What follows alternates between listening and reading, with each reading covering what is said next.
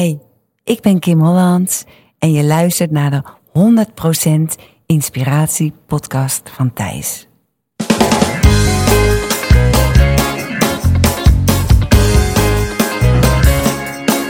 Hey, wat goed dat je luistert. Hij staat weer voor je klaar.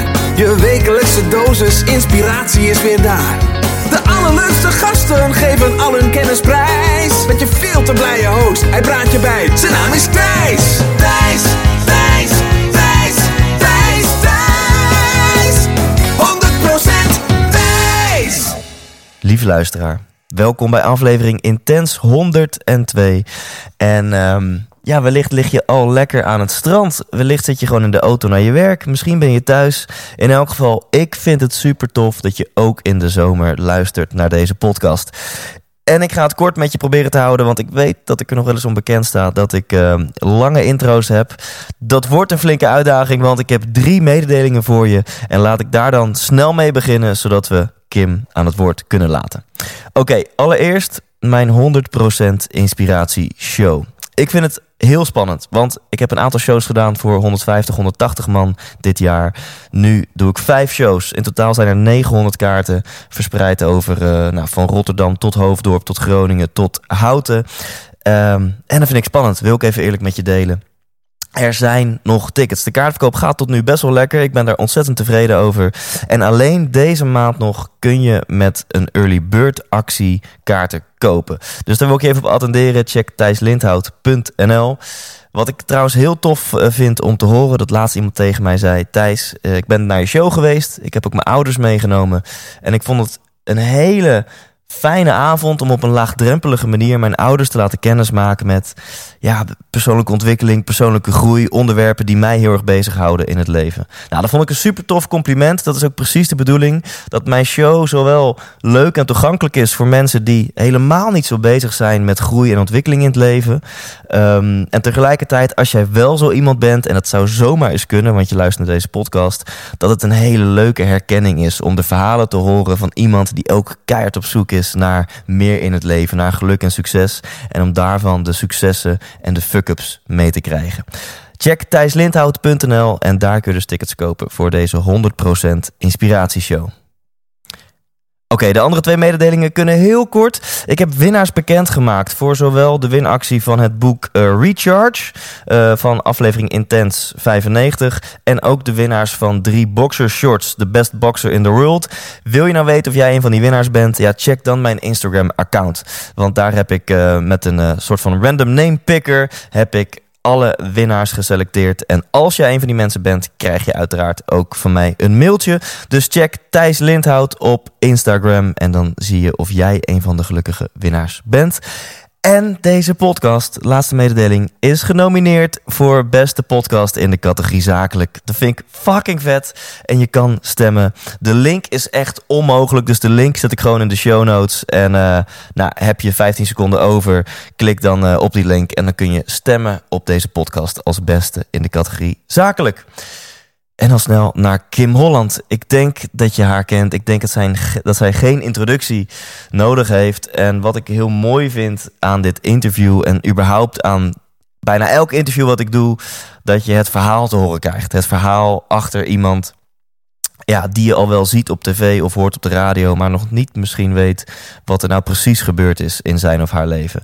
Daar kom je achter. Um, Kim heeft een hele heftige gebeurtenis meegemaakt, zowel op haar tiende als op haar twintigste. Iets wat je niemand gunt. En dit zijn twee keerpunten geweest in haar leven waarop ze een hele belangrijke keuze heeft gemaakt. En uiteindelijk merk je dat zij heel erg op zoek ook is geweest naar 100% Kim. Daar wil ik het bij laten, want ik vind het een mooi gesprek. Ga ervan genieten. Hier is Kim Holland. 100% wijs! Nou, daar zitten we dan. Ja. Ik heb hier wel lang naar uitgekeken. Tegenover mij, Kim Holland. Um, en voor jou een nieuwe vraag voor mijn luisteraar. De bekende eerste vraag. En dat is, Kim, wat wil je worden als je later groot bent? Als ik later groot ben, dan wil ik eigenlijk gewoon heel veel mensen gaan helpen. Op welke manier dan ook. Oké, okay. op welke manier dan ook? Nou, Ja. dat geloof ik niet. Vast niet op alle manieren. En, nee, nee, nee, nee, En vooral het verschil maken. Dat vind ik altijd heel mooi in het leven. Verschil kunnen maken gewoon. En Niet eh, standaard en, en ja, een beetje verrassend. Tof. Nou, ik weet wel wel zeker dat jij hier een heel duidelijk beeld bij hebt van hoe je dan het verschil wil maken en waar je mensen bij wil helpen. Dus kan je ons daarin meenemen? Op, op welk gebied wil jij graag mensen helpen? Ehm, nou, allereerst omdat ik heel veel ervaring heb opgedaan. Zowel eh, in relaties als relatievormen. Ehm, natuurlijk ook op het gebied van eh, mijn vak, hè, seksualiteit. Ehm, en velen denken dan, oh, maar dat is gewoon een manier van eh, actie hebben. Maar je kunt het met heel veel soorten gevoelens doen. En juist dat vind ik heel mooi om dat aan anderen uit te leggen. Want ondanks mijn vele ervaringen die ik heb meegemaakt, ik kan nog een, echt nog enorm genieten alsof het bijna mijn eerste keer is. En dat is een stukje geheim. Ja, ik noem het love power, sex power. Dat vind ik heel mooi om met anderen te delen. Ja, dit is wel een teaser hoor. Dat willen we allemaal wel. nou, trouwens, maar ik, ik weet niet hoe het met jou zit, maar mijn e- eerste keer was eh, niet zo super bijzonder of zo. Niet, maar ik snap wat je bedoelt als je seks kan ervaren alsof het, alsof het voor het eerst je die gevoelens ervaart. Ja. Zo Ja. intens. Eh, Nee, mijn eerste keer, ik ging als maagd het huwelijk in met mijn achttiende. Eh dus mijn eerste keer was ook inderdaad eh, toen ik getrouwd was. En Op de bruidsuite van een Van der Valk. een, nou, Van de Volk was het volgens mij niet, maar wel de bruidssuite. En ja, toen, toen hebben we vooral meer gelachen, want uiteindelijk, ja, we deden het wel, maar we hadden eigenlijk helemaal geen ervaring erin. Nee. En ehm, we waren ook zo gespannen, nerveus. En we hadden zoiets van, nu moet het. En uiteindelijk, eh, nou, ik, ik zal je de details besparen, maar ik dacht op een gegeven moment, ah, is dit het? Oké, nou ja. Ja. Zo kwam het voor mij echt Ja, over. ja. Volgens mij is later een grotere liefde ontwikkeld voor, eh, voor seksualiteit en eh, seks. Ehm, hier gaan we het zo meteen meer over hebben. Voor de mensen die, die nu al benieuwd zijn wat je allemaal doet, die kunnen kimhollandcoaching.nl checken. Want antwoord komt niet uit het niets, volgens mij, wat je net zei. Jij helpt echt mensen, stelletjes, naar een mooier leven, liefdesleven, seksleven. Absoluut. En ook zich lekkerder in hun eigen vel te gaan voelen. Want daar heeft alles mee te maken. Zelfvertrouwen heb je eerst nodig om uiteindelijk seksueel zelfvertrouwen te kunnen gaan uitstralen. En de vraag die ik net aan jou stelde, hè? als de juffrouw die aan een eh, zesjarige Mhm. Kim stelde, van eh, lieve Kim, in, groep eh, drie of vier of zo. Wat wil je worden als je later groot bent? Wat was toen jouw antwoord? En toen zei ik dat, weet ik, dat weet ik nog heel goed. Ik wil niet rijk worden, want rijke mensen zijn alleen maar met zichzelf bezig. Vond ik toen al. Wauw, en waar komt dat vandaan? Ja, ik denk dat het toch wel iets is wat je... Met mijn vader was zelfstandige, dus hij werkte hard. Ja. Ehm, maar had ook altijd tijd voor ons.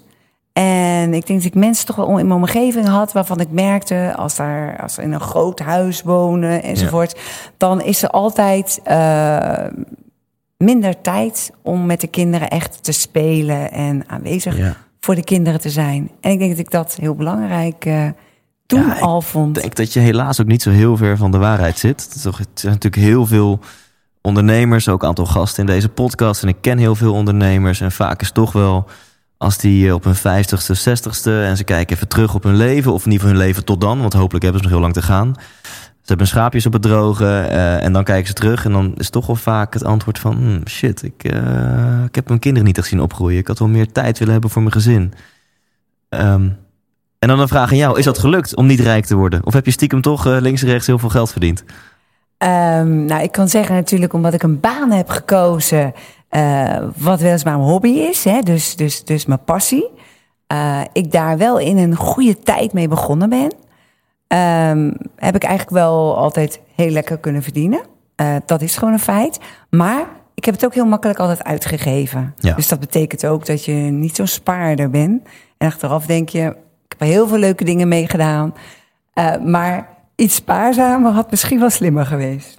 Ja, een beetje het nu leven is ook niet erg, toch? Nee, Nee, hoor. nee. En ik vind eh, ehm, met veel plezier datgene wat ik doe. Ja, ik zie het eigenlijk niet als werken.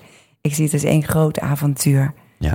En ik doe het met eh, mijn grote liefde. Dus Ja. we doen de dingen samen. Dus eh, Kim kijkt zwoel Mark in de ogen.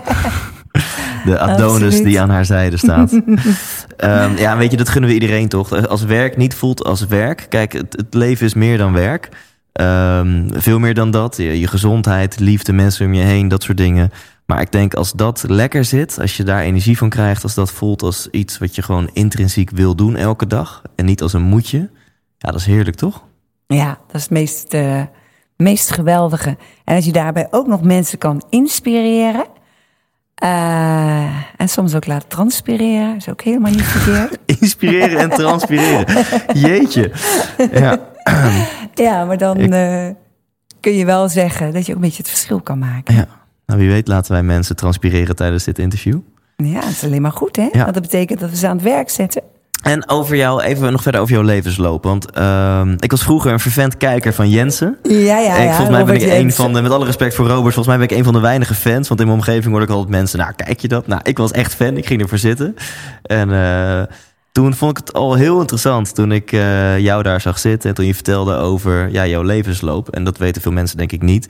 Want ja, je bent niet geboren als eh, iemand met een grote voorliefde voor, eh, voor seksualiteit. Je bent niet geboren als pornoactrice. Sterker nog, je bent eerst een andere afslag ingegaan. Eh, het, het geloof. Wil je daar eens wat over vertellen? En uiteindelijk ben ik en mijn luisteraars zijn heel benieuwd naar die omslag. Ja, nou, het, het, het punt was, ik ben eigenlijk ongelovig opgegroeid. Ja? Dat is het. eh, het- Oh, dit is niet, dit is niet door je Het ouders? is niet door mijn ouders. Oké, Ehm, Mijn moeder overleed toen ik tien was. Ehm, en in mijn omgeving had ik mijn oma. Die was bezig met die overstuigen worden. Is nooit geworden, maar uiteindelijk die was daarmee bezig. En die vertelde mij, als je je moeder terug wil zien... dan kan ik je daar meer over vertellen. En dan weet Ah. ik iemand die je daar een beetje in kan begeleiden. En ja, wat wil je als je Ja. tien jaar bent en je moeder overlijdt... met nog geen 35 jaar was ze pas... Eh, dan wil je niks liever als je moeder terugzien in het paradijs. Ja. Dus ik ben eigenlijk toen ehm, ja, enorm op zoek gegaan naar, naar op welke manier kan ik dit bereiken. En ik werd een voorbeeld daar in die gemeente. Want ik was ook nog eens een keer heel actief bij mensen langs de deuren. Ik Ja. vertelde jongeren op school hierover. Maar, en sorry dat ik je onderbreek. Dat, eh, die vrouw, zij is een Jehovah-getuige, denk ik. ja, Ja? klopt. En oordeel ik nu te snel? Of, of kunnen we samen concluderen dat het wel een beetje flauw is van haar? Om een, een, een, iemand van tien die kwetsbaar is, die de mama heeft verloren... om dan tegen zo iemand te zeggen... nou ja, ik weet dat je je mama wel weer kan zien... als je, met mij, als je mijn pad volgt, zeg maar. Ja, het is natuurlijk wel zo. Als je iets hebt waarvan je zelf denkt dat het de waarheid is. Hè? Ik kwam er pas veel later achter ehm, dat het een secte, bl- secte blijkt te zijn. Eh, maar als je zelf iets hebt waarvan je denkt... ja, ik geloof hierin en dit is zo mooi, dit wil ik delen... dan kan je het eigenlijk Ja. een ander ook niet kwalijk nemen. Hè? En tuurlijk, als je zo jong bent eh, als ik... maar ik was wel op zoek naar iets. Ja. En ja... Nou, Op dat moment mooi. kom je vind- mensen tegen die jou hun waarheid vertellen. Ja, ik vind het mooi dat je het eh, op deze manier vertelt. Hè? Dat je op deze manier haar het voordeel van de twijfel geeft, zeg maar. En ze wilde je natuurlijk alleen maar helpen. Ja. Het was, het was, eh, de bedoelingen waren goed. En toen, eh, je werd heel actief. Je werd zelf ook in Jehovah. En zo, ja, zo'n als een heel... fanatieke over. Maar echt al op jouw tiende dus al, als jong meisje. nou, Of- of- daar gaan wel een paar jaar Ja, overheen hoor. Ik bedoel, je gaat er eerst, eerst van alles over horen. Ehm, en pas als je echt voor het eerst echt aan mensen aan de deur gaat praten... en je vergaderingen gaat bezoeken, hè, de besprekingen... waar je leert om met mensen te communiceren over alles... en wat je moet zeggen en hoe je een wachttoren verkoopt en ontwaakt. Dat soort dingen. Ehm, daar gaat wel een paar jaar overheen voor je dat kan, gaat doen... en ehm er klaar voor bent. Ja, ja. En kun je daar eens wat over vertellen? Wat, want we weten denk ik allemaal wel een beetje wie Jehovah's zijn en wat ze doen. Maar ik denk ook weer niet precies. Dat heel veel mensen bij de klok horen luiden, maar wat nou precies aan de hand is. Ik, bedoel, ik zelf eh, heb wel eens interessante gesprekken met ze gevoerd. Ik, ik heb heel lang in Amersfoort gewoond. Dat is Ja. natuurlijk echt aan de rand van de Bijbelbelt. Dus daar kom je zo wel eens tegen. Maar los van die interessante discussies die ik dan heb gevoerd in de binnenstad... heb ik eigenlijk geen idee wat, waar het nou precies vandaan komt. Kun je daar eens wa- wat over vertellen? Wat, wat drijft Jehovah's? Wat is jullie overtuiging? En wat Ja. maakte dan dat jij zo daarin meeging en ook fanatiek was? Ja, ja Jehovah's getuigen, eh, hun, hun gedachte is en hun eh, oprechte geloof is gericht op het feit dat iedereen in het paradijs kan komen. En het paradijs komt pas als daar een Armageddon, een laatste oorlog is geweest. Ehm, dat zou ook betekenen dat de mensen die al overleden zijn, maar die zelf niet ooit overstuigen zijn geweest, ook een kans krijgen om terug in het paradijs te komen. dat is ehm, de boodschap, die is zo mooi, die wil je delen met de hele wereld. Ja. Want jij wil de hele wereld deelgenoot maken Ja. van jouw mooie verhaal en geheim. En je gelooft er natuurlijk ook heel erg in. Ja. Om ervoor te zorgen dat je in een groep zit en ehm, daar heel intens mee bezig bent, raden ze je aan om niet veel omgang te hebben dan noodzakelijk met mensen buiten die groep. Ehm, daar zijn ook nog allerlei redenen die zij in de Bijbel aanvoeren, eh, die te maken hebben als je een te grote vriend van de wereld bent. Dan ben je een vijand van God. Dat soort opmerkingen. Ik ken er nog wel een paar andere. maar allemaal zijn ze wel gericht op het ehm, klein houden van je als persoon. Als je, dat, is, dat telt denk ik voor de meeste geloven. Ja. Als je een sterk personage bent Ja. en je wil eigen, ehm, ja, eigen ideeën ehm, los van wat anderen vinden, dan pas je eigenlijk al niet echt in een geloof. Want een geloof Ja. zegt het al. Het is natuurlijk wel het aannemen van, van iets. En in dit geval gaat het nog verder, want je moet je hele leven erop richten. Je, je hebt geen seks voor het huwelijk. Ehm, om een andere reden eh, mag je geen bloed nemen als je een ongeluk overkomt. Je viert geen verjaardagen, geen kerstmis, geen Sinterklaas. Heel gezellig. nou, het kan ook heel gezellig zijn met allerlei Ja. andere dingen. Je kunt Want- elkaar natuurlijk ja. wel met z'n allen ontmoeten. En wat je wel doet, is het. eh, is bij elkaar regelmatig op de koffie komen, Ja. met elkaar afspreken. En eh, je hebt ook soort feesten, dat zijn er weliswaar vergaderingen waar mensen eh, verhalen vertellen. En, en, en eh, je mag soms zelf ook op het podium komen voor een paar duizend mensen je verhaal vertellen. Dus vandaar dat ik wel heb Ja. geleerd om over een niet makkelijk onderwerp heel makkelijk te kunnen Ja. communiceren. Nou, wa- waar, kan ik me aanmelden? Zeg maar. nee.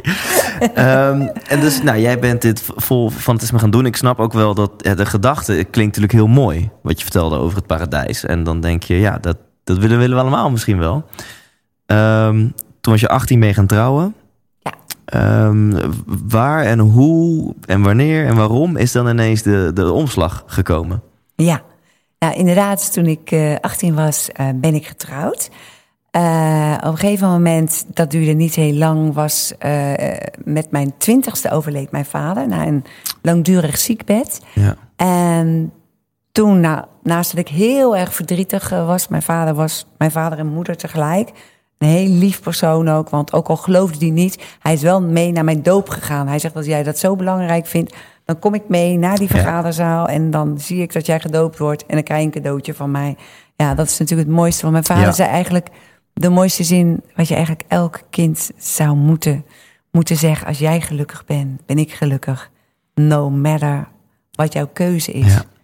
En dat is denk ik wel het allermooiste uitgangspunt. Ja. Daarom denk ik ook altijd, ik heb heel veel liefde in me. En volgens mij komt dat ook omdat ik uit een heel liefdevol nest kom. Ja. Ondanks dingen die ik heb meegemaakt in mijn leven, heeft dat me nooit weerhouden om ja, warmte en, en liefde uit te zenden en, eh, en voor open te Ik staan. denk dat wel het fijnste gevoel is inderdaad wat je je kinderen mee kan geven. Ja. Zo van, je bent goed genoeg. Maakt niet uit wat je doet, welke keuzes je gaat maken, wat je, hoe jij je geld gaat verdienen, met welke mensen je omgaat. Je bent goed genoeg, weet je wel. Ik hou onvoorwaardelijk van je. Ja. Ja. En zelfs hè, is het nog meer. Want als je dat zegt, Thijs, dan is het goed genoeg. Maar mijn vader zei nog: Als jij gelukkig bent, ben ik gelukkig. Dus dat betekent nog een emotie verder. Dat je zo ehm, blij bent dat jouw kind zijn geluk gevonden heeft op haar unieke manier. Dat je daar gewoon heel blij en trots op kan zijn. Ja. Ja. En ervaar je dat nu ook zo bij je eigen kinderen? Ja, ja, absoluut. Ehm, ik ervaar het eh, zo. We hebben drie kinderen en ehm, twee kinderen van Markse kant. Dus we hebben, we noemen het altijd onze twee Belgische kinderen, onze drie Hollandse kinderen. Ja. En eh, wij proberen op dezelfde manier de kinderen dit mee te geven. En het heel belangrijk is, want daardoor krijg je ook dat kinderen heel open tegen je zijn. Ja. En ook vertellen wat ze stout gedaan hebben. En ehm, als ouders dan gelijk veroordelend zijn of beoordelend zijn, dan in de meeste gevallen is het zo dat het kind zijn eigen weg toch wel gaat, Ja. maar je geen deelgenoten meer van bent. En als je gewoon luistert, en tuurlijk moet je opvoedkundig dingen meegeven, maar vooral luisteren is vaak al heel belangrijk. Ja. En zelf weten ze dan stiekem ook wel als ze een grens overschreden hebben. Of wat dan ook. Je kan wel invloed uitoefenen, maar controle heb je niet. En Nee. eh, nou, ik heb zelf geen kinderen. Maar eh, eh, dat lijkt me heel frustrerend als ouder soms. Dat je geen controle hebt op je kind. Ze gaan toch wel doen wat ze, wat ze willen doen. Nou, sterker nog, hoe meer controle je over je kinderen wil hebben, hoe minder je het hebt. Ja, dat denk ik ook. Dus op een moment, maar dat is met alles, hè, als je ehm, iets heel veel aandacht geeft, dan groeit het. En dat betekent je stress groeit, je, je, eh, hè, maar, maar, maar ook eh, het gevoel dat de kinderen denken: ik moet iets van hun. Nou, dat werkt dus nooit. En als je het loslaat en denkt: ze vinden hun eigen weg wel, ik kijk wel zo stiekem mee. Het komt allemaal wel goed. En je geeft ze het zelfvertrouwen en het vertrouwen dat je in hun gelooft dan willen ze dat ook niet beschamen. Dus het is ook een manier van, eh, een, ja, ik noem het wel eens, eh, als je dingen op een andere manier in het leven bekijkt, dan kan een negatieve eh, stressfactor kan gewoon naar een positief iets omgebuigd worden. En dat lijkt heel moeilijk, maar het is veel makkelijker dan je denkt. Ja. Het is gewoon in je hoofd een draai maken. En eh, we zitten nu nog steeds te wachten op de cliffhanger natuurlijk. Want je, ehm, je vertelde toen ik twintig was overleed mijn vader. Nou, het lijkt me vooropgesteld dus verschrikkelijk als je op je tiende je moeder verliest en op je twintigste je vader. Dat is heel heftig. En dat was, is dat voor jou een keerpunt geweest op je twintigste? Ja, dat is voor mij een keerpunt eh, echt geweest. Ik heb eerst heel veel verdriet gehad natuurlijk. En dat vind ik ook. Verdriet, dat hoort ook bij iemand waar je zoveel van gehouden hebt. Daar mag je ook een tijd voor nemen. Maar dan op een gegeven moment ga je ook weer meer zelfbewust worden. En denk je ook van ja, ik heb een leven kan heel kort zijn. Ik heb één leven. En ik wil wel heel graag achterkomen wie ik ben, wat ik wil en wat mij gelukkig maakt. En toen ben ik, omdat ik dan toch wel een sterke persoonlijkheid blijkt te zijn, ben ik er weer net zo vrolijk uitgestapt als ingestapt.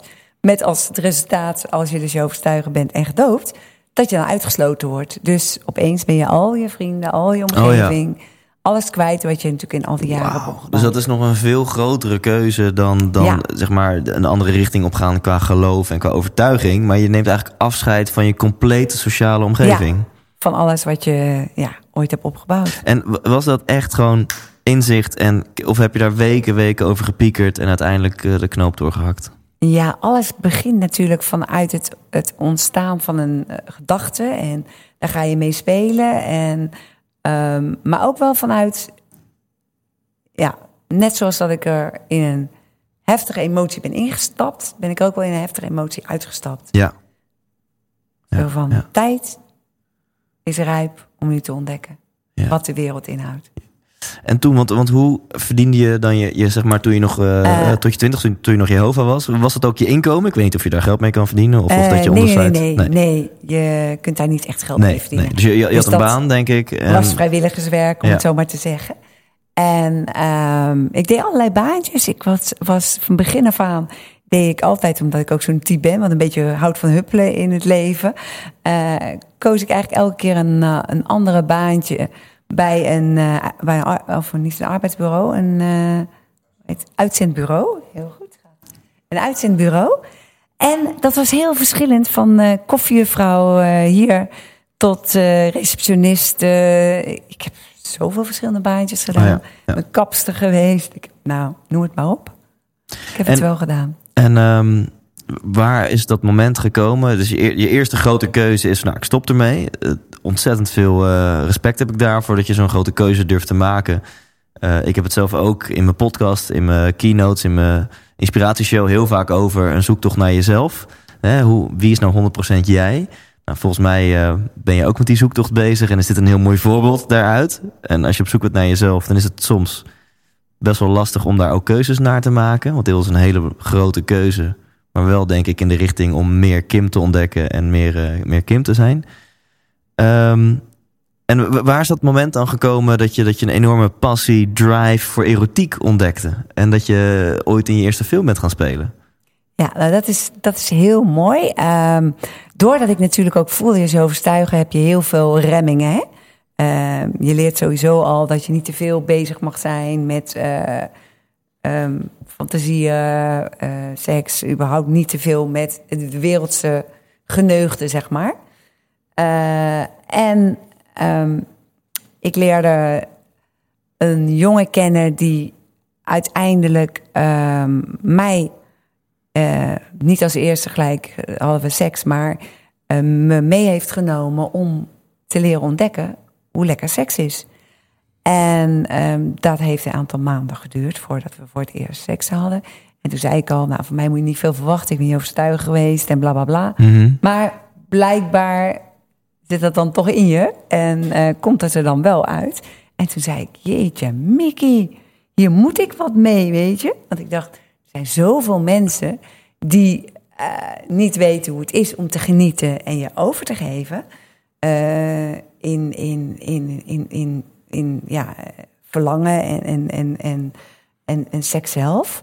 Um, maar ik voelde ook, doordat ik zo gevangen had gezeten in een geloof, zodat ik zo um, ja, eigenlijk um, een heel ander leven ten meeste ander had geleid, dat ik ook behoefte had dat iemand nog een soort baas over me was. Dus we hebben eigenlijk een SM-spel gespeeld en dat was spelende wijs helemaal. En dat leerde mij uiteindelijk ook om veel sterker te worden, maar ook om het stuk te verwerken. Ja. Dat is heel raar als je iemand hebt die vanaf, ja, eigenlijk vanaf het geloof af aan altijd zegt hoe je moet leven. Ja. Je gaat niet meer nadenken, hè?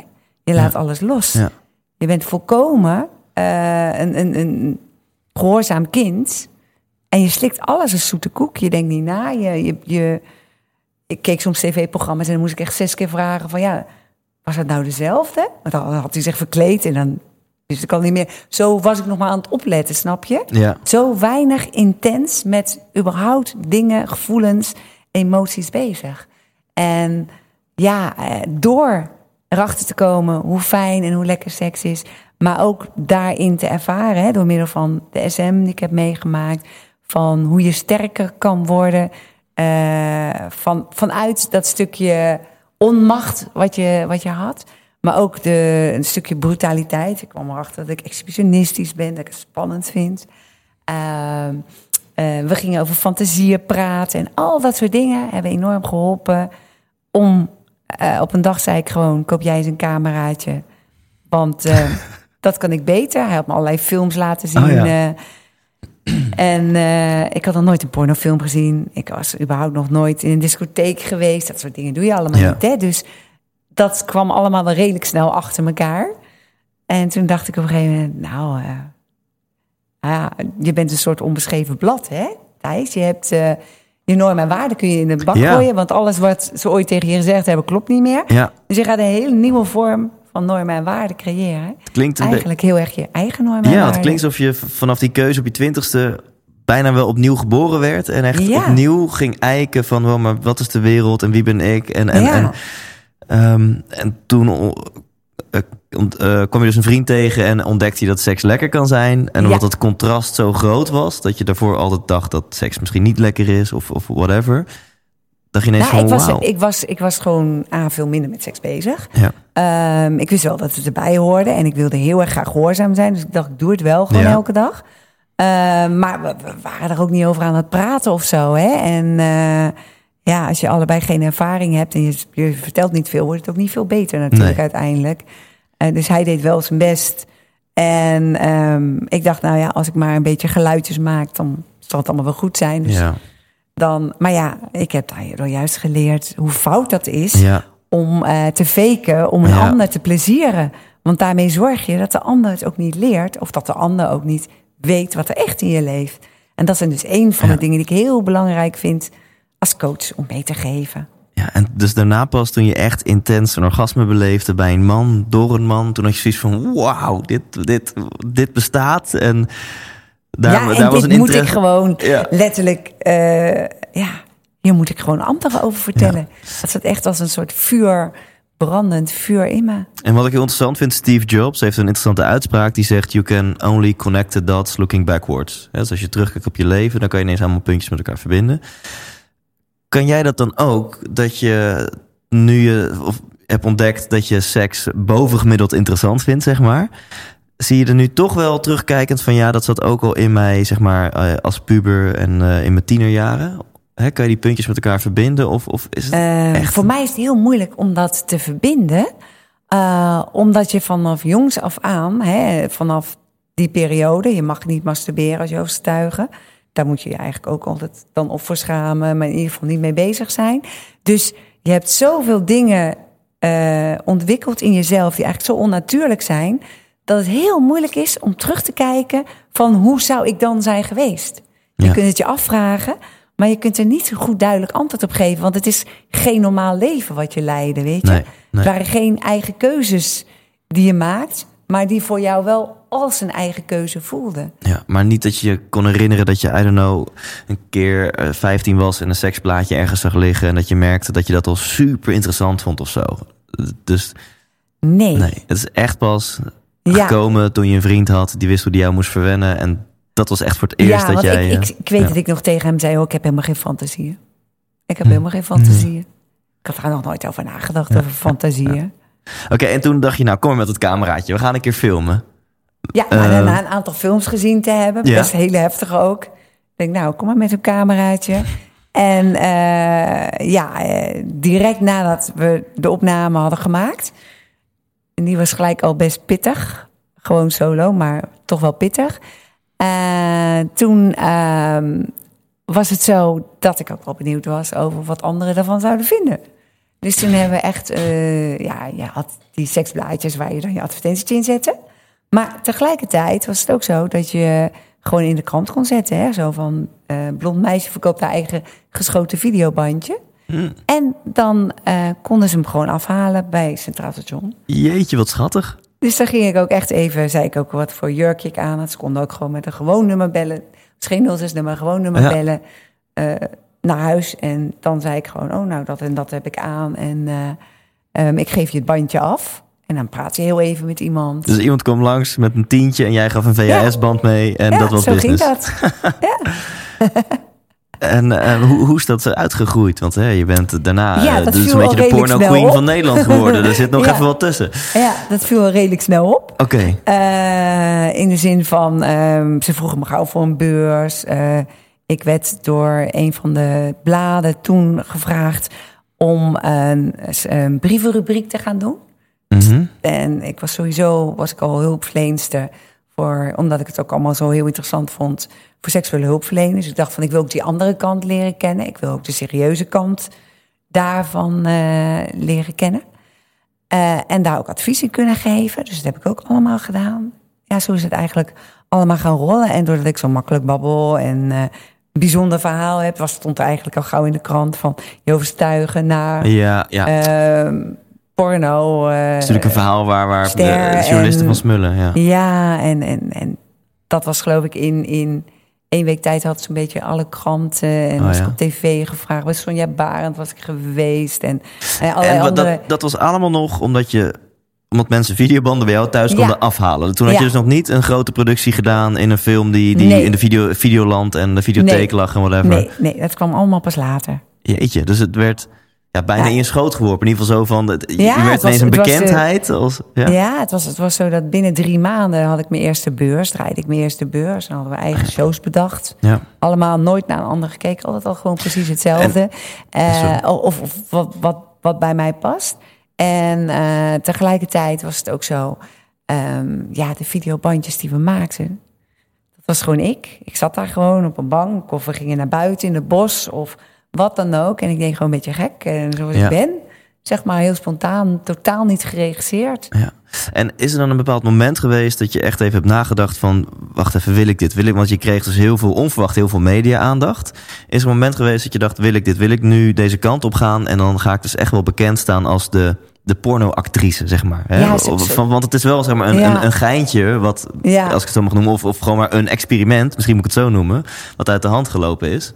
Ehm, ja, het was niet echt een experiment. Dat was wel echt iets waarvan ik zei... ja, dat is echt wel onze gezamenlijke hobby. Hè? Het was Ja, ook eh, in de fantasie ehm, van mijn vorige partner. Hè? De-. Die wilde mij ook heel graag met anderen zien. Dus het was een combinatie Mhm. van eh, fantasieën. En ik wilde wel eens een keer ehm, een ervaring met een vrouw hebben. Zo zijn eigenlijk die ervaringen eh, ontstaan. Maar het was wel zo dat ik de eerste was die een amateurbandje maakte. En daar ook zo openlijk over Oh, ja. sprak op die manier. Ja. Dus daar viel ik wel in op. Maar voordat het echt hele mediaspectakel kwam, toen hadden we ook wel aan, eh, want we hadden jonge kinderen, Oh ja. eh, aan onze jonge kinderen eh, niet zozeer de dingen verteld, maar wel aan de ouders van de vriendjes waar ze mee omgingen en de ex-partner van mijn vorige vriend. Dus op die manier hebben we wel gezorgd ehm, dat het eh, ja, toch een beetje beschermend was. Ja, ja. En ehm, ja, toen begon denk ik een, een heel groot avontuur van, van decennia lang. Waarin jij eh, Ja, landelijk bekend bent geworden. Waarin je veel producties hebt gedraaid. In eerste instantie als actrice of ben je ook al heel snel gaan regisseren? nee, eigenlijk alleen als actrice. Ja. Maar wel altijd eigen producties. Ja? En dus dat betekende, mijn toenmalige vriend filmde dan gewoon. Ehm, en we lieten gewoon een beetje fantasie uitkomen. Ja. Ehm, en dat was eigenlijk ook gewoon een beetje zoals we deden. Een beetje op een eilandje, weet je. Ja. We zeiden ook wel, we maken porno, maar we zitten niet in de porno. We deden het helemaal op onze eigen manier. ja, wat leuk. En eh, speels. Altijd speels. Elke opname. Gewoon, maar, maar gewoon wat doen. En eh, ja, gewoon uiteindelijk eh, gewoon als bandje gaan verkopen. En dan Ja. hoorde je de ervaringen. En eh sommige schreef je brieven, had je contact Ja. mee. Maar altijd wel heel benaderbaar. Want ik daar heel erg altijd Ja. eh, zelf in geloof. Ja. Wat ik hier heel erg in, in denk te horen is flow. Van dit, dit ben je gaan doen. Het was wel een bewuste keuze. Want je had samen ontdekt, nou, dit is een fantasie van ons. En we willen dit wel gaan doen. En En uiteindelijk... trots op wie je bent. Dat je iets mooi. doet wat, wat ja, heel veel andere mensen misschien van dromen, maar nooit zouden durven. Dus het is ook wel een stukje Ja. ondeugendheid. Kijk, ik, je hebt, een mens heeft meerdere kanten in zich. Ja. En het is zo mooi als je die kanten in jezelf mag zijn en mag Ja. ontwikkelen. En daardoor krijg je heel veel zelfvertrouwen, seksueel zelfvertrouwen. Dus inderdaad, dan zit je bij een programma als bij Robert Jensen. Eh, en dan, eh, ja, ik hou van spontaniteit. Dus wat er ook gebeurde. Eh, Hij haalde natuurlijk allemaal geintjes met je hij uit. haalde allerlei geintjes uit. En, eh, maar we hadden gewoon een hele leuke klik. Hè. Vijf jaar lang eh, een brievenrubriek voor de actueel gedaan. Maar ook daar heel veel humor erin stoppen en zo. Gewoon een minder makkelijk bespreekbaar Ja. ehm, onderwerp... wat eigenlijk iedereen aangaat. En vooral als het om goede seks gaat... het maakt je zo heel blij, gelukkig, gezond, Ja. energiek. Dat zou eigenlijk iedereen moeten hebben. Vanuit dat simpele principe... dan laat ik het de hele wereld zien ook. Ja. Zo, zo kan het ook. Ja, dat was gek. echt mijn beide handen manier van denken. En eigenlijk nog steeds. Dus En als denk- we dan even uitpluizen wat jij, eh, wat jij zo leuk eraan vond of vindt. Zeg maar. Als ik naar mezelf kijk, ik, ik, ben, eh, ik doe inspiratieshows. Nou, ik ben ook de eerste om toe te geven. Ik vind het leuk, omdat ik hou ook wel van aandacht. Vind ik leuk. Maar ik vind het nog veel leuker om mensen te inspireren. Om mensen een leuke avond te geven. En het raakt mijn persoonlijke missie. Om mensen ja, te raken in positieve zin. Van maak wat moois van het leven. Eh, hoe zit het bij jou? Dat- Op welke, welke ingrediënten zeg maar, zaten er in jouw carrière als pornoactrice... waardoor je het zo super leuk vond? Ja, ik denk dat, dat het een beetje hetzelfde uitgangspunt is als jij, Thijs. Ja. Want in feite is het natuurlijk, je ontdekt op een dag hoe fijn het is om te genieten van seks. Eh, hoe makkelijk en openhartig je erover kan praten. Hoe je andere mensen erin kan inspireren. Ehm, je ondeugende kant, je exhibitionistische kant triggert. Dus die zorgt er ook nog eens voor dat mensen denken van wauw dat je dat durft enzovoorts. Ehm, maar vooral ook het, het, dat je ziet hoeveel mensen je uiteindelijk, hè, de, als je mensen je aanspreken of zo, van wauw, weet je, van je bent mijn voorbeeld. eh, dat is zo gaaf. Ja. Dus, dus ja, die, dat, dat inspireert. Heb je... En- ja, sorry, verder? En, en eh, de, de drang om dat om te laten zien dat je iets bijzonders in je hebt, dat, dat wil je gewoon delen. Ja. Dat is altijd mijn eh, uitgangspunt. eh, Heb je een bepaalde missie of een bepaalde boodschap die je uit wil stralen naar mensen... of misschien specifiek naar vrouwen of misschien specifiek naar mensen... die, die het moeilijk vinden om open en eerlijk over seks te zijn? Wat is je missie? Ja, eh, ik heb inderdaad altijd gezegd, hè, toen ik uit mijn geloof stapte, van mijn nieuwe missie is om, en het was eigenlijk met name om vrouwen mee te geven hoe uniek en bijzonder ze zijn en wat ze op het gebied van sekspower in zichzelf hebben. Een enorme oerkracht in jezelf. En als je die ontwikkelt, dan heb je, de, de, ja, dan heb je eigenlijk het magische ingrediënt om gewoon een heel leven lang boeiend voor de ander te kunnen zijn. Is een gelukkig leven mogelijk zonder seks? Ehm, laat ik zo zeggen, een gelukkig leven draait niet om de seks, maar als je goede seks kent, dan is het wel een van de belangrijkste dingen om gelukkig te zijn. Ja, mooi gesproken. en ik heb ehm, nog een andere vraag aan je. Daar hebben we allemaal mee te maken. Ehm, misschien wel hoe meer we doen, hoe succesvoller we zijn, hoe, hoe meer we daarmee te maken hebben. En dat is kritiek. Nou, kan ik me voorstellen dat je afgelopen decennia echt wel wat kritiek op je pad hebt gehad. En dan hebben we nu ook nog eens social media en zo. Um, wil je misschien eens een voorbeeld noemen, maar nog veel belangrijker, hoe, hoe ga je daarmee om? Ja, nou, um, het allerbelangrijkste met kritiek is dat je altijd moet kijken, is die kritiek terecht of onterecht? En ik ben de eerste om toe te geven als ik gewoon niet slim bezig ben geweest. Okay.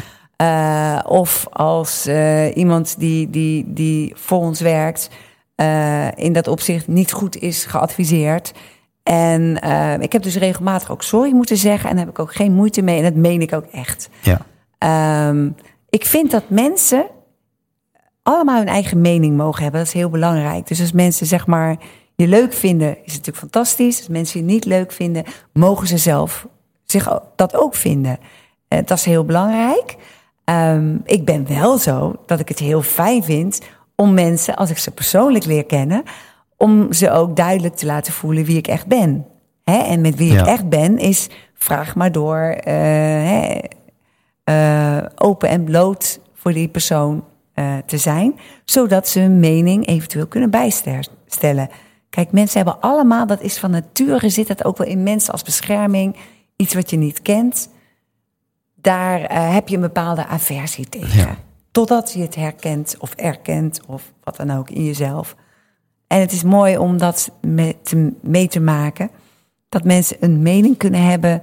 En als ze een tijdje met je praten, wow. denken: ah, Maar dit, dit klinkt bijna te mooi om waar te zijn. Ik bedoel, je, er zijn haters, weet je wel. En die komen echt niet met een goed beargumenteerde mening. Die komen gewoon met, met gezeik. Eh, met hele onaardige opmerkingen. Je hebt mensen die zijn heel negatief van nature. En um, hè, die kennen we, dat zijn mensen die uh, reageren op dingen. En ja, ik vind het heel simpel. Ik lees dat soort dingen niet. Ik zet veel op social media, hè? Um, maar altijd vanuit een feel-good gevoel. Ik bemoei me ook niet met politiek. Niet omdat ik niet een mening heb over politiek, maar omdat ik niet vind dat die mening van mij nu belangrijk is voor de ander. Omdat ik vind dat uh, als je hoofd boven het maaiveld zit, dan moet politiek, geloof en um, voetbal neutraal zijn. En dat is, is ook om dit soort dingen te voorkomen. En ik zeg al, mensen mogen iets vinden en mogen daar een mening over hebben. En ik mag er ook voor kiezen om dat niet te lezen, om me daar niet mee Ja, bezig te houden. mooi. En om me met positieve dingen in het leven bezig te houden. En daar ben ik eigenlijk dan heel erg door omringd. Krachtig. Ja, en om nu een stukje verder in de tijd te gaan naar nu, waar we eigenlijk het gesprek ook mee begonnen. Is dat organisch gelopen? Dat je meer naar een rol van regisseur bent gegaan en dat je nou, Kim Holland coaching bent begonnen? Of is dat ook weer een heel duidelijk keuzemoment geweest? Um, nou, ik heb sowieso altijd um, ben ik een doener en geen kijker. En dat houdt over het algemeen in dat ik ja, eigenlijk actief ben. Dus het heeft lang geduurd voordat ik als regisseur uh, of als regisseuse uh, in films ging doen. Dat had Ja. enerzijds te maken met een periode waarin ik lichamelijk um, een soort hernia had gehad. Nou ja, twee hernia's. Zo. Uh, veel pijn en, en behoorlijk afzien is dat. Maar ik wilde wel betrokken blijven bij alles. En ik laadde me dan wel op voor een interview of wat dan ook. Maar je kunt dan niet meer doen wat je eigenlijk zo graag wil. En Ja. ik ben extreem lenig. En ja, eh, ik hou van dansen, ik hou van bewegen. En dat kon niet meer. Ik zat gevangen in mezelf. En dan moet je een conclusie trekken. En dan denk je, ja, dokter zei, nou, dat, uh, daar moet je mee leren leven. Ik denk, nou, één ding, ga ik never mee leren leven. Ik ga er iets voor doen om ervoor te zorgen dat ik er vanaf kom. En ik ben letterlijk, denk ik, honderd uh, boeken gaan kopen over wat ik eraan zou kunnen doen. Ik heb alle soorten therapieën gedaan. Van hocus therapie tot uh, ja, uh, mensen die ik alles. En ik wist zeker, dus niet alleen ik dacht, nee, ik wist zeker, ik word helemaal beter. Ik kom het juiste middel tegen ja. en dan ben ik gewoon weer helemaal gezond. Nou, en um, dat was eigenlijk samenhangend in combinatie met mijn nieuwe grote liefde. Dus ik was toen uh, um, bij een mevrouw, een masseuse, die mij hielp van, uh, ja, in principe om, om daarvan te genezen. En gedurende de periode dat ik Mark leerde kennen, we gesprekken hadden. Ja, en uiteindelijk onze liefde ook zover uitspraken dat we gewoon echt voor elkaar gingen kiezen toen is er zoveel in mijzelf veranderd. Wow. Dat ik nu leniger ben als 21-jarige. En meer energie heb als vroeger. Ook, ook gezondheidstechnisch heel sterk en heel uh, krachtig. En toen dacht ik van kijk, ik heb zoveel ervaring meegemaakt. En nu uh, kom ik opnieuw de liefde van mijn leven tegen. En dat zeg ik omdat ik op het moment dat ik mijn vorige partner leerde kennen voelde hij ook als de liefde Ja. van mijn leven. En dat kan, hè? Ja, je kunt absoluut. in een andere periode, een andere fase van je leven komen, waardoor je Ja. opnieuw de liefde van je leven tegenkomt. En samen, ja, hebben we het zo fantastisch en geweldig. En ja, ik zeg al, als je zo goed in je vel zit, dan moet je dat gewoon met anderen gaan delen. En dan zijn dit soort onderwerpen als van dat je beter kan worden, dat je moet Ja. kunnen geloven in eh, ja, totale gezondheid, in totaal geluk. En ehm, moet geloven in ware liefde, vind ik enorm belangrijk. Maar ook moet kunnen geloven in, eh, om maar even een voorbeeld te geven, eh, komen de melden zich meisjes natuurlijk bij ons aan hè, voor, voor videoopnames. Ja. En sommigen hebben met 20 jaar al alles meegemaakt. Hè? En die zeggen ook, ik heb een gangbang gedaan, een trio en noem het allemaal maar op. Weet jij nog iets anders, Kim? Zeg ik nou? Van, van, van, is er nog iets wat ik kan ontdekken? Nog iets nieuws? Ja. Dan zeg ik, weet je wat jij moet doen? Je moet totaal gaan resetten. Je moet gewoon verliefd worden op iemand. En dan gewoon die allereerste stapjes van het eerste lekkere kusje... tot de, tot de eerste knuffel, tot de aanraking. Door je heerlijk te laten masseren. Ik zeg door je eigen gevoel te ontdekken. En dan kun je, als dat ooit nodig is... samen misschien gaan experimenteren. Maar als je op deze manier blijft doorgaan... je bent 20 jaar en dit is hè, waarvan je denkt... het moet steeds verder Ja. dan kan ik je één ding zeggen, dan word je alleen maar daarin teleurgesteld. Dus en dat resetten, dat kan ik eh beamen. Want eh, ik vertelde helemaal aan het begin al een beetje dat ik zo van seks kan genieten alsof het de allereerste keer is. En dat kan. Eh, ik ben zelfs eh, in mijn nieuwe liefdesrelatie monogaam geworden. Dus vanuit een open relatie, monogaam. En ik voel me daar heerlijk bij. Dus het kan. Je kunt jezelf Ja. resetten als je maar beseft wat dat inhoudt. En hoe makkelijk dat je geest dat opneemt. Als je je emoties, je gevoelens daarin maar laat vloeien. Want daar draait het allemaal om. kun je dat misschien iets meer toelichten? Want dat, dat het waanzinnige effecten kan hebben, dat, eh, dat horen we en dat zien we aan je. Eh, maar ik denk ook dat heel veel luisteraars denken, ja, mezelf resetten. Maar wacht even, hoe, hoe weet je wel? Ik heb niet zo'n knop. Dus hoe, hoe werkt dat dan, mezelf resetten? nee. Ja, het is een woord. Hè? In feite komt het erop neer dat je ehm, jezelf een aantal vragen gaat stellen. Waar word ik nou simpelweg blij van? Waar gaan mijn ogen nou van lachen? Ehm, wat heb ik nou echt nodig om, om gelukkig te zijn? Om, met wie omring ik mij? Ehm, wat zijn voor mij de belangrijkste dingen die mij uniek maken. Hè? eh, je, je eigen uniciteit eh, noem ik dat dan maar. Dat is een ander woord voor, maar ik noem het maar even zo. Eh, maar dat is heel belangrijk. Want heel veel mensen hebben allerlei diep gewortelde patronen. En leven hun leven door wat anderen hun of in opvoeding Ja. hebben geleerd. Of anderen in hun omgeving die heel veel invloed op hen hebben. En op een dag worden ze wakker en denken ze ja, waar draait het leven om? Ik ben op zoek naar mezelf, maar wie ben ik? Nou, heel simpel. Hier zit je en dit ben je. En je kunt op een berg gaan mediteren, maar dit ben je. En het enige wat je moet weten is, hoe kom je erachter wat je graag wil? En dat Ja. is door met jezelf ja, eigenlijk een gesprek aan te gaan. Of met een coach ehm, dat te doen. En dan kom je erachter hoe simpel het is dat je een paar dingetjes verandert. En het is vooral je mindset. Als je denkt dat dingen die je meemaken eh, je allemaal overkomen, dan ga je nooit uit jezelf de oplossing halen wat je eraan van leert. Of ehm, als je iets heel veel aandacht geeft, dan gaat het groeien. Dus je iets negatiefs heel veel aandacht geeft. ehm, dat zie je ook hè, bij slachtofferrollen. Ja. Als je het negatiefs heel veel aandacht geeft, dan blijft het zo in je systeem zitten, zo in je eigen hoofd. Dan blijf je er zo mee omringd. Dan kom je er niet uit. Maar als je het omdraait en je zegt: ehm, Ik wil eruit, laat ik me al voelen alsof ik, het, alsof ik eruit gestapt ben uit dat probleem. Dan ga je hele andere, andere voorbeelden zien. Ja. En dan, dan, ik weet ook nog wel, ik heb zo'n boek gelezen, Denken als Einstein.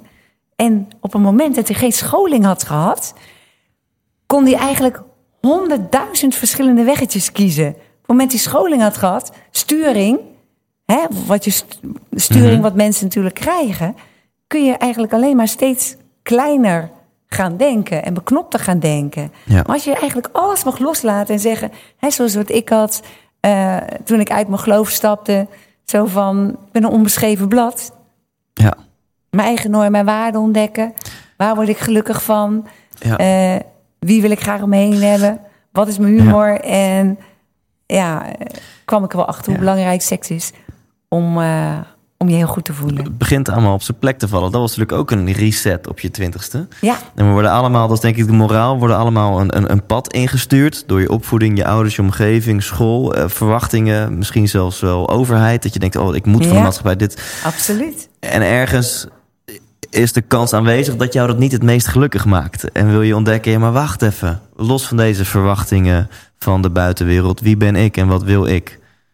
En ehm, afhankelijk van hoe erg je in een pad bent geduwd wat niet bij jou past, is er best even wat tijd voor nodig om dat te gaan herontdekken bij jezelf. Ja, Ja, Ja, heel goed verwoord. En het is ook nog eens zo. Het, het lijkt heel egoïstisch, hè, van alleen maar ik ben met mezelf bezig.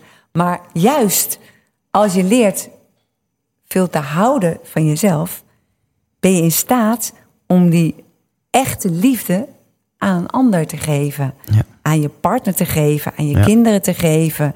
Eh, je onzelfzuchtige liefde kan je pas geven als je genoeg van jezelf houdt. En als je ook weet eh, wat jouw triggers zijn. Want dan kan je namelijk openstaan voor de ander. En als je heel erg, dat zie je bij mensen, als ze heel erg met hun eigen problemen in hun hoofd zitten, staan ze niet open voor een verhaal. Kunnen ze niet ja, eh, meedenken met de ander. En dat is zo mooi. Als je eigenlijk niks aan je eigen hoofd hebt, dan is de hele wereld, kan je zo'n verhaal vertellen. Dat kun je ehm, naar luisteren. Je kunt het begrijpen, omdat je zelf ook die zoektocht hebt gehad. Maar je kunt ook heel makkelijk het omdraaien, omdat je het zelf ook heel makkelijk hebt kunnen doen. ja. Dus Ja. het is een soort, ja, het is een soort mechanisme wat je in jezelf hebt. Als je lekker in je vel zit, Ja. kun je enorm andere mensen stimuleren, enthousiasmeren, blij maken. En ook zeggen van geen, geen woorden, maar daden. ja. Want dat vind ik dan wel. Ja, nou, absoluut. Dus als mensen nu denken, ja, ik, ik vind het leuk. Je, je zou je leven kunnen zien als een leeg A4'tje. Stel je leven is een leeg A4'tje. Je mag hem gaan vullen. Weet je, wat is het eerste in je opkomt? Nou, en als je dat een beetje doet vanuit het moment waarin je connected bent met jezelf, dan komen er denk ik wat antwoorden. En daarna wat je zegt, ja, knallen met die ballen. Dan moet je wel in actie gaan komen. Anders gaat er niks veranderen. En, en wat je bijvoorbeeld ook merkt, dat is, eh, hè, bijvoorbeeld ik zeg ook van, hè, minder tv kijken, wees met sport bezig. En sport kan ook wandelen zijn, hoeft helemaal geen eh, sportschool te zijn. Maar ehm, doe de geneugden. Weet je, Ja. zorg dat alle zes je zintuigen, ehm, dat je die gebruikt. Hè, wij beginnen s morgens al met dans op muziek. Ah, Eerst, zoals we altijd zeggen, muziek knallen we aan. En eh, we hebben heerlijke nummers waar we op dansen. Voor het ontbijt hebben jullie de Macarena al gedaan. Ja, en eh, Mark legt liefde is voor me neer met een, eh, een boodschap. Ja. En ja, als je op die manier en met een grap beginnen we, ja, op die manier kan het niet anders dan dat je gewoon een heerlijke dag tegemoet gaat. Ja. En ook wat we altijd tegen elkaar zeggen, is eh, elke dag gaan we voor een uitdaging. Ja. Want dat is ook zo mooi. Weet je, je moet niet stilstaan. eh, of, of, of, of denken van eh, ik ga stilstaan in mijn leven. Je moet gewoon bezig zijn om gewoon ja, ten volle te leven. Absoluut. En ook wel een beetje geluk hebben dat je gezond bent. En dat, dat je dierbaren dat ook zijn. Ja, Dat is het is natuurlijk geen garantie.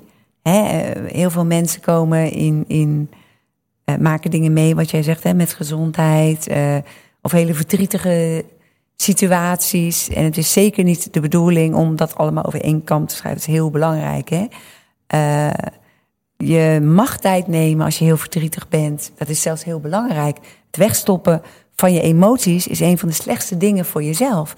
Want hoe verder je het wegstopt, hoe minder je leert je emoties en je Ja. gevoelens eh, nog te tonen.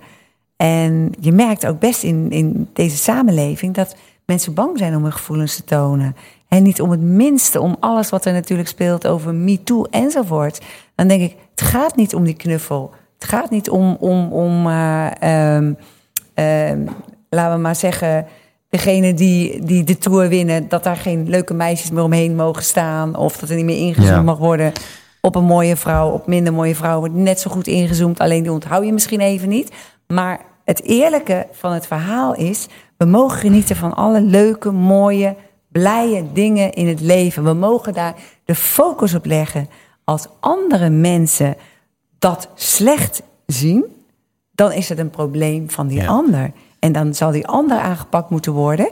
Eh, maar we moeten zeker onze spontaniteit en onze openhartigheid en ons geloof en vertrouwen in de goedheid van mensen niet kwijtraken. Dus wat jou betreft mogen de Grid Girls terugkomen. De grid girls moeten terugkomen. En Heerlijk. heel belangrijk, want wat is daar fout aan? Wat is er fout aan een mooie, sexy verschijning? Daar, daar kan niemand Ja. iets tegen hebben. Er is ook niks fout aan een mooie zakenvrouw die mooi op een zakelijk niveau gekleed is, waar je een indruk op achterlaat. Eh, aan een professor die een fantastisch verhaal vertelt. Dan kan je ook aan iemands lippen liggen en een, en een mooi schilderij dat, dat eh, kan inspireren. Als we iets minder bezig zijn met wat we niet mogen, maar ons zelf een beetje mogen laten gaan, dan raakt er, is er minder gefrustreerdheid. En Ja. minder Ja. gefrustreerdheid zitten we dan ook niet aan al die eh machtswellustige verhalen vast. Want dat is het in Vind feite. Machtsmisbruik. Ja, dit is totaal geen politieke podcast, maar ik ga me er toch even aan wagen. Want het, het lijkt me eh, oprecht het, het meest verschrikkelijk wat er is. Zeker als vrouw, als je ooit bent misbruikt, aangerand of nog erger. Ik kan me niet voorstellen hoe erg dat is. Dat is verschrikkelijk. Alleen wat ik niet snap, waar heb- heeft dat ooit, wat heeft dat te maken met vrouwen die van beroep model zijn, die goed betaald krijgen, die er zelf voor kiezen om ja te zeggen op die klus en bij wielrennen of bij Formule 1 wedstrijd in een mooi pakje daar te staan voor de camera. Of als Miss Nederland. Ja, Hè, in, een, in een bikini. en andersom zijn ook zat Ja. eh, events waarbij mannen in Magic Mike achter. Weet je, wa- wa- waar Het hebben we ooit de link tussen die met twee elkaar gelegd? Te maken. Het heeft niets met elkaar te maken. Ik heb zelf misbruik meegemaakt, dus ik kan daar in de eerste hand wel over meepraten. Ehm, het heeft er niets mee te maken, want eh, in feite is het een natuurlijk verlangen dat je houdt van jezelf mooi maken en jezelf aantrekkelijk maken. Hè, dat doen mannen ook. Die vinden het ook leuk om hun haar mooi te hebben, coole kleren aan. Dat is een heel natuurlijk eh, gevoel. en, en, en verlangen. En ik vind het iets heel positiefs. Ehm, als je gewoon ook nog eens een keer de kans hebt om model te worden, het past bij je, je voelt je er goed bij, dan weet je dat je daar bewonderende blikken krijgt. En mensen kunnen daar ook wel eens een opmerking over maken. Dan zorg je dat je goed gebekt bent en dat je dat uh, goed, goed kan uitleggen. Um, waarom je daarvoor kiest. En uh, als er dingen gebeuren die je niet wil, dan is het heel belangrijk om iemand weerbaar te maken. Dat is heel belangrijk. Dus uiteindelijk, als je hè, kiest voor actrice, wat dan ook, leer ook gelijk iemand op een jonge leeftijd al weerbaar te maken. Ja, Want dat, is- is, vaak Ja. waar de situatie uh, fout gaat. Doordat de ander naïef in iets stapt en eigenlijk niet de gevolgen kan overzien. Ja. Maar nogmaals, het heeft niets met elkaar te maken. Fijn dat wij het in ook van met elkaar eens zijn. Toch? En Kim, ik heb, eh, want we gaan al richting een uur en ik heb nog zoveel vragen aan je. Ik, ik ga nog een paar vragen instellen. En we Ja. pakken nog wat kijkersvragen erbij en ik ga je onder spot zetten. Dus we hebben Ja. nog zoveel leuke dingen te doen. Ehm, je heet eigenlijk helemaal geen Kim Holland. Of in elk geval, je bent niet als Kim Holland geboren, maar als Yvonne. Eh, wat is de reden geweest van naamsverandering? Nou, heel simpel.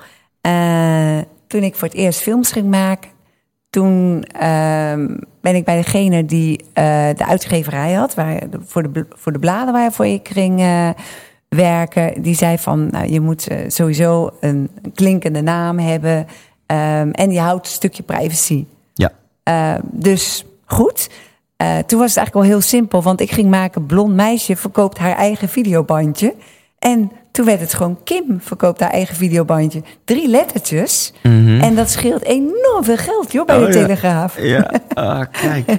dus dat was de eerste reden. Daarnaast uh, vind ik Kim stoer, past bij mij. En ik ja. ben eigenlijk En is Kim. het echt een artiestennaam? Of dus, dus hè, noemen jou, uh, jouw vrienden jou nu Kim of Yvonne? Nee, eigenlijk iedereen mij Kim. Ja, het is gewoon Kim geworden. Uh, en mijn kinderen, dat is dan een ander verhaal. Oké. Okay. Die noemen mij dan, uh, dan wel Yvonne. Maar ja. verder iedereen Kim. Ja, oké. Okay. Um, Inkluis mijn grote liefde. Ja. Een, een hele dit vind ik gewoon super interessant. Uh, een pornofilm regisseren. Hoe, hoe, hoe gaat dat? Ik ben er heel nieuwsgierig naar. In feite moet je het zo zien. Ik zeg altijd van, hè, je regisseert niet, maar je registreert. Ja. Dat betekent dat je probeert zoveel mogelijk de sfeer te houden. um, en de set zo klein mogelijk te houden. Dus het kan gewoon een huiskamer zijn waarin je bij een stelletje komt. En um, waarin zij gewoon hun eigen seksspel laten zien voor de camera. Um, het kan zijn een opname buiten. En dan heb je natuurlijk ook het uh, spannende element om gesnapt te worden. Um, maar in feite noem ik het spelen voor volwassenen. Zo de manier waarop wij films maken is spelen voor volwassenen. Ja, maar ben je continu, ho, kut, weet je wel, camera even uit. En uh, wat nou als je je rechterbeen net iets omhoog doet. En uh, weet ik veel. Of is van tevoren, staat in een, in, een, in een draaiboek, of hoe heet dat? In een script helemaal vast van welke standjes en, en, en hoe het wordt opgebouwd en alles. Met, met een tijdschema erbij. Nou, afgelopen zondag hebben Mark en ik uh, een opname echt geregisseerd. Uh, dat is Sprookjes van Kim, dubbel M. En dat is Frankenstein geworden. Maar dan wel de hele sexy versie. Ja. Dit bedenken we zelf, hoe we dat in beeld willen brengen. Uh, we schrijven dat gewoon eigenlijk heel simpel uit. En we bespreken het met de regisseur, met, met, met de filmer, niet met de regisseur, dat zijn we zelf. Ja. En alles doen we eigenlijk spontaan wat daar op dat moment gebeurt. Okay. Welke tekst er is, of, uh, of uh, als we de locatie zien, we doen het hier, we doen het daar. Ah, ja. We proberen zoveel mogelijk spontaniteit. Oh, ja. Want dat zie je gewoon Ik terug. denk dat dat bij, bij sommige Amerikaanse producties wel anders is. is Ja. dat? dat is gewoon, uh, het gaat Ja. om veel meer geld en dat is allemaal uh, Ja. van tevoren gescript. Ja, Ja. de manier zoals wij het doen, we werken met amateurs. En uh, Ja. hoe natuurlijker dat voelt voor hun, hoe, hoe fijner zij in hun eigen seksspel Ja. kunnen komen. Ja, ja. Ehm, een, een hele flauwe wat als, maar wel interessant denk ik. Wat als jij niks mocht doen met, wel in je privéleven, je mag nog steeds seks hebben en orgasmes en alles, maar je mag beroepsmatig niks meer doen met seks, seksualiteit vanaf morgen. Wat zou je dan doen? Um, als je beroepsmatig niks meer mag doen met seks, maar je mag gewoon in je privéleven super goede seks hebben. Ja. Uh, oh, dan zou ik iets heel anders gaan doen. Ik, uh, ik zeg al, ik wil heel graag mensen helpen. En nu is het dan op Love Life Coach. Dus dat houdt in echt mensen helpen die zowel eh, seksuele issues hebben, maar ook rela relatie eh, ehm, hebben. Ehm, mensen motiveren, ehm, blij maken door ze te laten zien op welke manier je, noem ik altijd maar op een simpele manier, gelukkig in het leven kan staan. En ik heb ook altijd gedacht, juffrouw worden leek me ook wel leuk. Dus dat zijn een paar dingetjes eh, die ik altijd nog zou En kunnen dan kun je de, de kindjes wat bijbrengen over de bloemetjes en de bijtjes. Ja, maar dan ook op een hele positieve manier. Ook over porno Absoluut, bijvoorbeeld. Ehm, dat porno meer is zoals je een, ja, een, een, ehm, een speelfilm eh, of, een, of een thriller ziet. Dat je erotisch entertainment hebt. Maar dat dat niet de manier is waarop je met je eigen vriendje en vriendinnetje omgaat. Ja. Dat is wel heel Ja. belangrijk. Ja.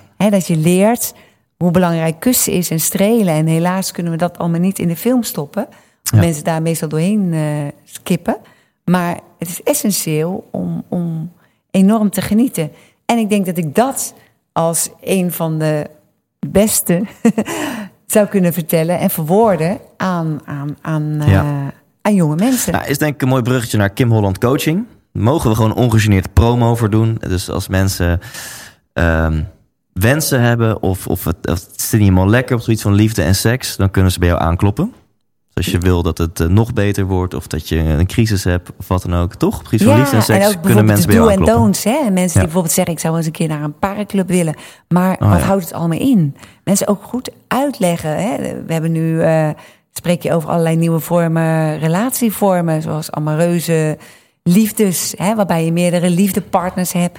Wat, wat gebeurt er met jezelf? Hoe ga je met jaloezie om? Eh, hoe maak je afspraken? Op welke manier moet je... Hè? Hoe kan je eerlijk tegenover jezelf zijn? Dat is ook een van de hele belangrijke Ja.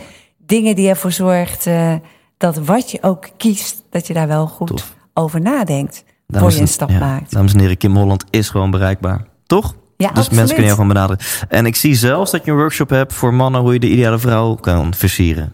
Ja, en dan gaat Ja. het niet alleen over versieren en verleiden, Ja. maar ook eh, om ervoor te zorgen dat het je partner wordt. Ja, kijk even mijn cameraman aan. Wij hebben er nog nooit van gehoord, hè? Van de, de- dat er tips blijken te zijn voor versieren. Nee. We hebben allebei wel. eens een boekje open gedaan over. Ja, ja, dat eh, ik ja. Eh, en eh, je kan je ook gewoon boeken als spreker. Nou, dus kimhollandcoaching.nl, dat is waar mensen meer informatie over jou kunnen vinden. Dan, voordat ik de kijkersvragen erbij pak. Oh, moet ik het goede knopje drukken. Zet ik jou eerst even on the spot. Mag je vanuit je intuïtie antwoord Ja. geven? Oh, wacht, e- eerst nog een paar open vragen. want die vind ik wel leuk om jou te stellen. Wat ligt er op je nachtkastje? En nu op mijn nachtkastje mijn telefoontje, Hm. normaal gesproken. En ik heb oordopjes. Als eh, Mark een beetje snurkt. Dan doe ik die oordopjes in. En wat ligt er in Die je liggen- nachtkastje?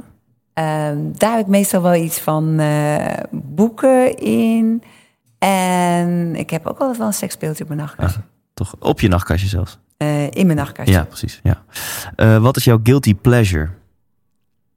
Een guilty pleasure is... Ja, echt series vind ik heerlijk om te kijken. Eh, en ehm, een andere guilty pleasure...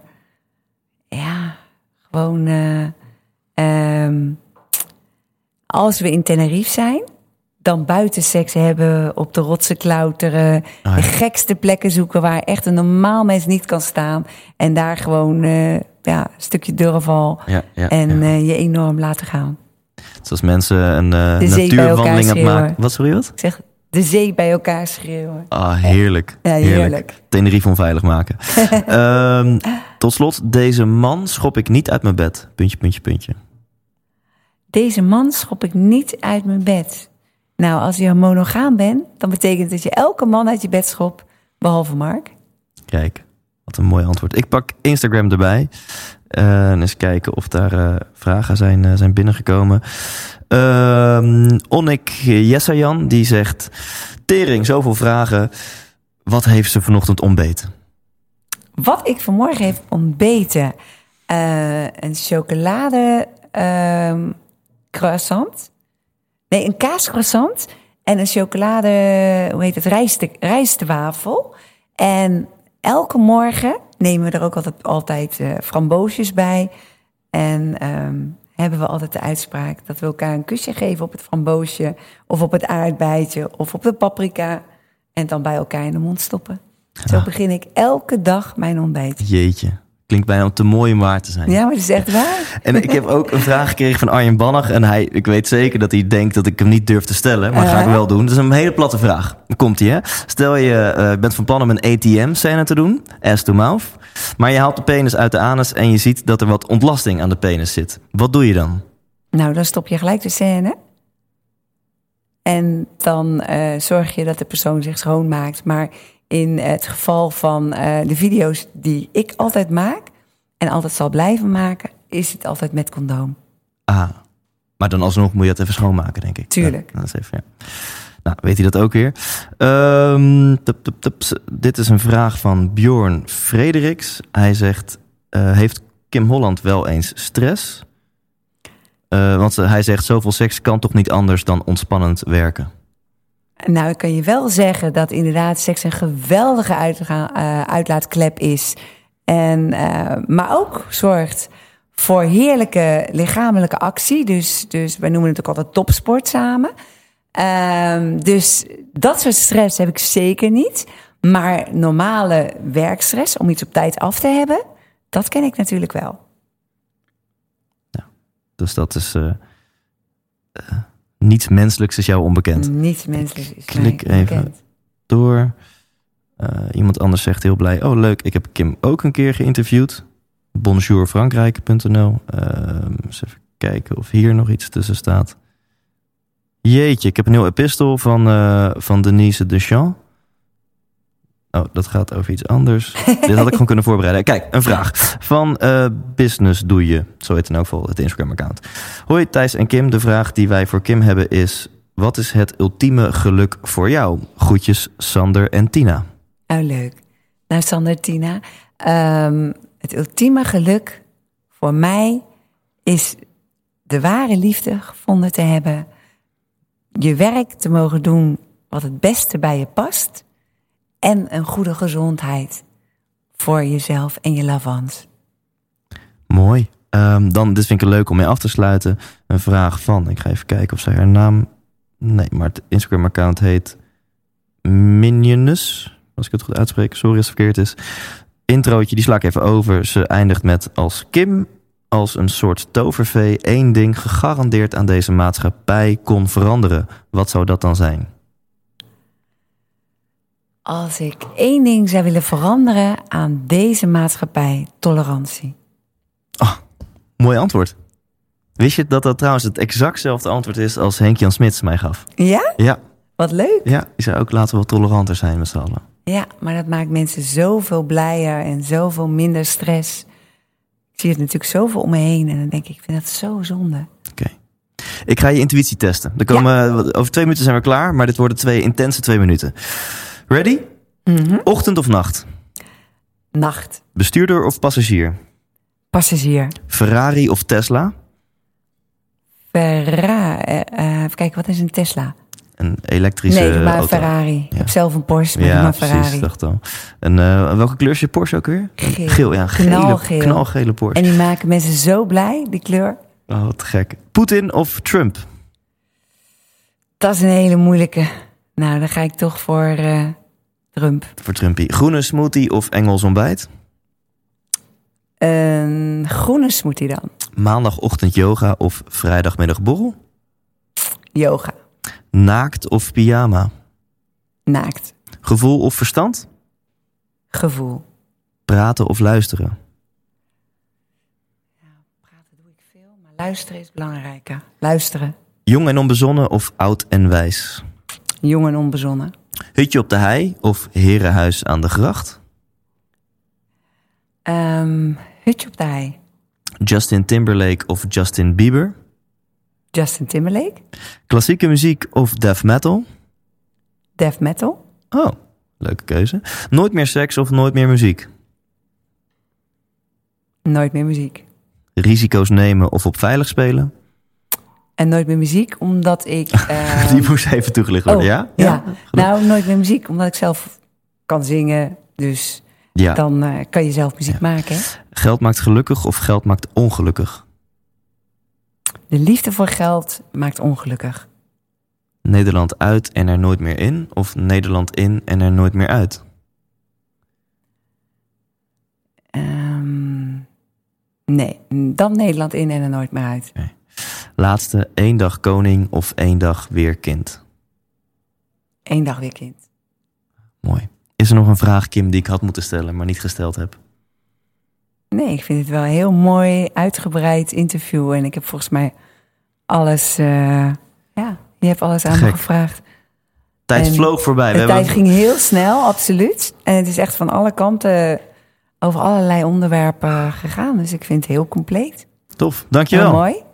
Nee, het was een leuk interview. Dank jij wel. Thijs, Thijs, 100% Thijs. Thanks, thanks, thanks voor het luisteren. Super tof dat je dit nog hoort. Ehm, ben benieuwd wat je van het interview vond. Laat het even weten op eh, Insta. Daar ben ik steeds actiever onder de naam. Gewoon Thijs Lindhout. Ehm, ik reageer op alles. Dus als je mij een persoonlijk berichtje stuurt, dan reageer ik erop. En eh, wellicht zie ik je daar. Of wellicht zie ik je gewoon echt in real life in Groningen, in Eindhoven, in Rotterdam, in Hoofddorp of in Houten. Want dat zijn vijf plekken waar ik dit najaar sta met de 100% inspiratieshow. En waarom zou je daar naartoe komen? Als je zin hebt in een avondje uit, waar je ook nog eens wat gaat leren. Waar, eh, waar je een aantal anekdotes hoort over deze podcast. Over eh, mindset, over liefde, over connectie met jezelf. Ja, dan, ehm, dan kun je daar kaarten voor kopen. Een combinatie van een beetje lachen en een beetje leren. Check thijslindhout.nl.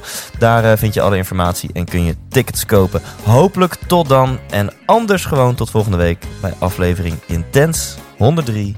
Leef intens.